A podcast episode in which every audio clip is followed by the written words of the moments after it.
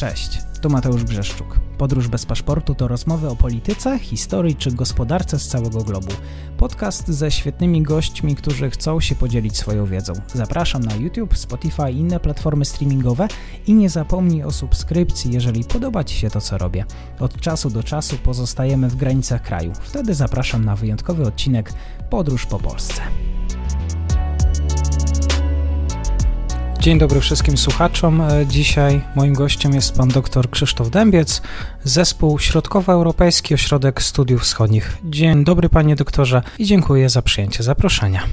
Dzień dobry Państwu. Nie mamy zamiaru niczego ustawiać, natomiast sytuacja w polskich mediach jest dość dziwna na tle innych państw, teraz już także tych bliskich nam, na przykład Czech. Tam to się zmieniło i my uważamy, że to się powinno zmienić. Tak w lipcu ubiegłego roku Jarosław Kaczyński mówił w wywiadzie dla Polskiej Agencji Prasowej. Panie doktorze, Jarosław Kaczyński powołuje się na sytuację w czeskich mediach.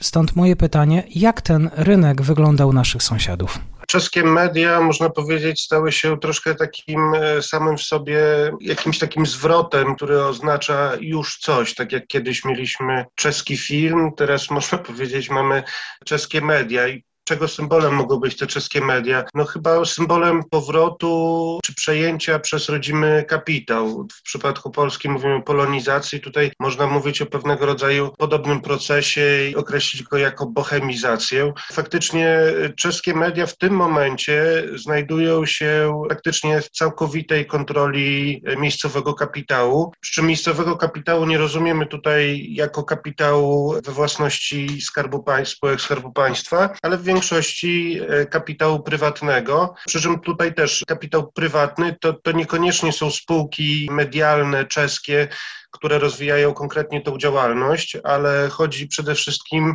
o spółki miejscowych biznesmenów, którzy czasami są w Czechach nazywani oligarchami, w Czechach i nie tylko w Czechach. Oni zwykle działają przede wszystkim w innych branżach, a ta wejście do branży medialnej stanowi swego rodzaju uzupełnienie tej działalności. No i można się zastanawiać, czemu to służy, zważywszy, że większość tej działalności, zwłaszcza prasa, jest w tym momencie co najwyżej średnio opłacalna. Te, te, te wyniki finansowe, które wykazują czeskie spółki medialne, nie są imponujące. Na przykład spółka, którą operuje e, słowacko-czeska grupa finansowa Penta, wykazywała w ostatnich latach straty. Niektóre balansują pomiędzy stratami i zyskiem. Także wi widać, że nie motyw finansowy jest tutaj decydujący. Można więc zapytać, co? No i tutaj na pierwszy plan wysuwa się możliwość wywierania pewnego rodzaju czy, czy realizacji swoich interesów biznesowych, czy ich wspierania. Czeski właściciel, współwłaściciel Penty Marek Dospiwa wprost powiedział w wywiadzie, że chodzi mu o swego rodzaju tarczę, która ma chronić e, jego działa, główną działalność biznesową przed irracjonalnymi atakami e, ze strony przeciwników. No i faktycznie, jeśli się dobrze przyjrzeć, widać, że w ten sposób e, te media bywają wykorzystywane. Jeden z przykładów, no to chociażby działalność premiera Andrzeja Babisza, który połączył swoje plany wejścia w świat polityki z próbą zaistnienia w świecie mediów. Jeśli sobie to ułożyć chronologicznie, rok 2011 Andrzej Babisz, który działa przede wszystkim w branży rolno-spożywczej i chemicznej, zakłada swój ruch ANO, który jeszcze wówczas był skrótem od ruchu niezadowolonych obywateli, czyli taki e, stylizowany ruch protestu, który założył drugi najbogatszy obywatel kraju i jednocześnie też założył zalążki swojego koncernu medialnego. Wtedy jeszcze wydawał takie pismo bezpłatne, ale już dwa lata później on e, uzyskuje drugi wynik w wyborach, zostaje wice, wicepremierem i ministrem finansów, a równocześnie przejmuje bardzo ważną spółkę medialną Mafra, wydającą e, dwa czołowe dzienniki opinii Mlada Fronta Dnes i Lidowe Nowiny, które włączył do swojego koncernu e, Agrofert. No i później można powiedzieć, że to rozpoczęło lawinę, bo też kolejni oligarchowie, widząc e, wzmacniającą się pozycję Babisza, również dokonywali podobnych akwizycji. Jeden z bogatszych Czechów, Daniel Krzetyński, przejął koncern, który wydaje największy tabloid w Czechach, Blesk. Z kolei kolei wspomniana Penta przejęła największą sieć dzienników regionalnych w kraju. No i tak można powiedzieć, doszło do sytuacji, w której obecnie w zasadzie nie ma znaczących podmiotów medialnych, które są kontrolowane przez podmioty z zagranicy. No najbardziej znaczący z nich to jest bodajże 6% udział niemiecki w, w działce magazynów lifestyle'owych. Także w tym momencie mamy sytuację totalnej kontroli e, rynku medialnego przez, przez miejscowy kapitał i, i dopełniło to przejęcie formalne już pod koniec ubiegłego roku przez PPF Petra Kellnera, Petra Kellnera, który niedawno tragicznie zmarł e, w katastrofie śmigłowca na Alasce. Przejęcie największej prywatnej stacji telewizyjnej Nowa. Wspomniał pan doktor o przejęciu, ale te media musiały mieć wcześniej e, swoich właścicieli. Kiedy właściwie te duże przejęcia medialne się właściwie rozpoczęły? Kto był poprzednim właścicielem? Jaka była ta reprezentacja kapitału zagranicznego? Jeśli chodzi o, o ten proces, on, on można powiedzieć, jego prekursorem można określić e, dawnego czeskiego barona węglowego Zdeńka Bakalę, który można powiedzieć nie jest takim typowym oligarchą, takim jak chociażby Babisz. No, każdy z tych czeskich oligarchów jest troszkę inny i ma troszkę inny profil. Zdeněk Bakale jest związany z tymi kręgami, z liberalnym nurtem czeskiej myśli politycznej. On również miał bliskie relacje też osobiste z byłym prezydentem Wacławem Hawlem. Rozpoczął tą falę, przejmując jeszcze tuż przed rozpoczęciem kryzysu od niemieckiego wydawnictwa Handelsblatt, największy czeski dziennik gospodarski, gospodarskie nowiny. Później, można powiedzieć, przyszedł ten kryzys gospodarczy, który dodatkowo pogłębił problemy spółek medialnych, które działały w Czechach. Wiadomo, jeśli jest kryzys, mamy mniej chętnych na reklamy, jest y, mniej czytelników, część ludzi oszczędza. No, no i ta kondycja mediów się pogorszyła, ale to też wpisywało się w pewien dłuższy, trwający mniej więcej od początku obecnego stulecia trend, w którym media drukowane ustępują miejsca mediom internetowym, przy czym te internetowe, zwłaszcza wówczas, nie były jeszcze tak rentowne. Pewne płatne subskrypcje należały do rzadkości.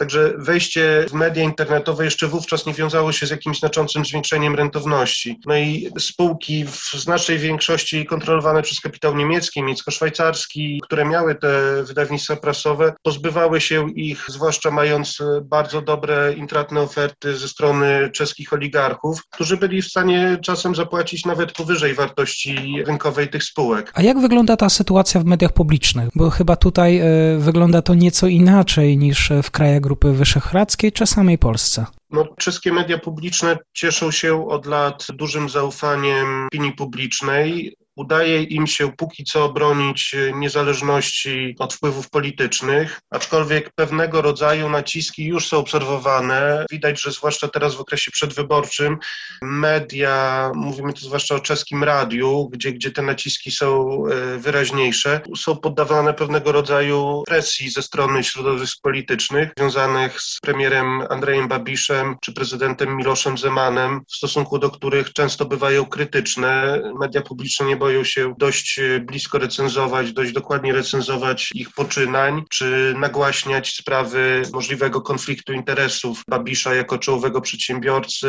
polityka, jednocześnie właściciela mediów. No i można powiedzieć, tą pozycję udało się do tej pory utrzymać, e, natomiast jak to będzie wyglądać w przyszłości też, też trudno jednoznacznie wyrokować, dlatego że, tak jak mówię, no to, że w tym momencie te media publiczne uzyskały, utrzymały pewnego rodzaju niezależność, nie oznacza, że tak będzie też w przyszłości no ta sytuacja jest, jest można powiedzieć dynamiczna. Natomiast jeśli weźmiemy obrazek z czeskich mediów publicznych, to widać, że są to materiały dobrej jakości, że media te, mediom tym udaje się przyciągać wiodących dziennikarzy, co też wpływa potem na, na jakość materiałów, na ich odbiór przez społeczeństwo, czyli media są, są w dużej mierze niezależne, ale te ataki na ich niezależność są, aczkolwiek może nie są aż tak mocno nagłaśnione czy Czesi sami zauważają te zmiany, które dokonują się na rynku medialnym?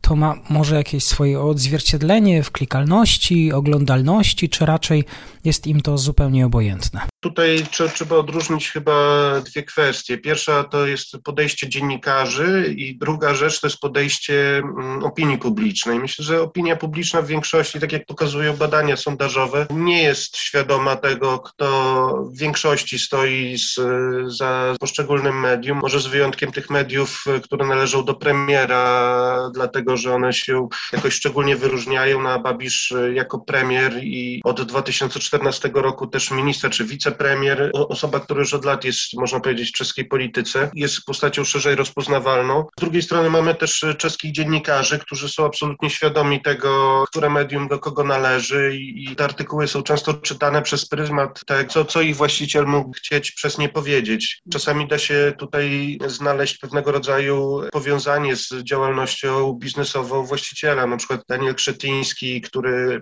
jest bardzo aktywny w branży węglowej, ma między innymi tygodnik Reflex, który jeden, jeden z wiodących e, na czeskim rynku, który jest bardzo krytyczny w stosunku do mm, prośrodowiskowych postulatów, które są e, nieraz artykułowane na forum unijnym. Chciałbym przejść teraz do wątku chińskiego. E, sam oligarcha Petr Kellner wyszło na jaw, że przez swoje spółki miał umieszczać artykuły przychylne Chinom. Dlaczego akurat jemu zależało, żeby Chiny rzeczywiście miały swoje pozytywne materiały w jego tytułach medialnych? To znaczy, to nie tylko chodziło o jego tytuły medialne, bo on jeszcze wówczas nie miał jakiejś znaczącej obecności w czeskich mediach. Bardziej chodziło o nakreślenie pewnego e, innego punktu spojrzenia na politykę, którą realizuje Pekin. No dla Petra Kellnera, który działa w licznych branżach, ale, ale ma wśród nich najważniejsze i do najważniejszych z nich należy sektor finansowy, działa w Chinach bardzo mocno w silnie regulowanej przez państwo branży pożyczek konsumenckich. Te różnego rodzaju e, krytyczne głosy, które płyną z Czech pod adresem Pekinu, które też dostają się do chińskich mediów z tego względu, że są artykułowane przez opozycyjnych względem rządu polityków samorządowych czy polityków skontrolowanego też przez opozycję Senatu, coraz bardziej zagrażały jego działalności w Chinach, którą z kolei żyruje prezydent Milosz Zeman, będący dla niego dużym wsparciem. Żeby to tak do końca zrozumieć, trzeba by się odnieść do pewnych pewnej debaty, która praktycznie od początku lat 90. toczy się w Czechach i, i dwóch takich ugrupowań czy tradycji myśli politycznej. Z jednej strony hawlistów, którzy artykułowali przywiązanie do praw człowieka, a z drugiej strony można to powiedzieć pragmatyków, którzy podkreślali pewne cele gospodarcze i biznesowe, zwracali uwagę, że Państwa zachodnie też swoje biznesy w Chinach realizują, więc dlaczego Czesi mieliby tego nie robić? No i ta debata, ona wybrzmiewa w Czechach. Czeska centroprawica jest, y, można powiedzieć, wyrazicielem poglądów hawlistowskich, choć w, w przeszłości też różnie z tym bywało. Natomiast obecnie lewica z Miloszem Zemanem i socjaldemokratami, którzy też mają swoje wewnętrzne spory w tych tematach, raczej opierają się na podejściu pragmatycznym. Andrzej Babisz e, stara się tutaj nie zajmować e, zbyt daleko i wiążącego stanowiska. On dba przede wszystkim o dobre relacje z prezydentem Zemanem, które będą też kluczowe teraz w świetle zbliżających się wyborów do Izby Poselskiej w październiku. Prezydent będzie nominował nowego szefa rządu, czy, czy powierzy misję stworzenia tego nowego rządu czeskiego. Natomiast Babisz też ma za sobą nieudane próby wejścia na rynek chiński, też e, próbuje ocieplać stosunki z Waszyngtonem, więc, więc można powiedzieć, że tutaj to podejście Babisza jest takie pivotalne. Czy jeszcze w Czechach mówi się o tym, tych wynikach raportu czeskiej informacyjnej służby bezpieczeństwa?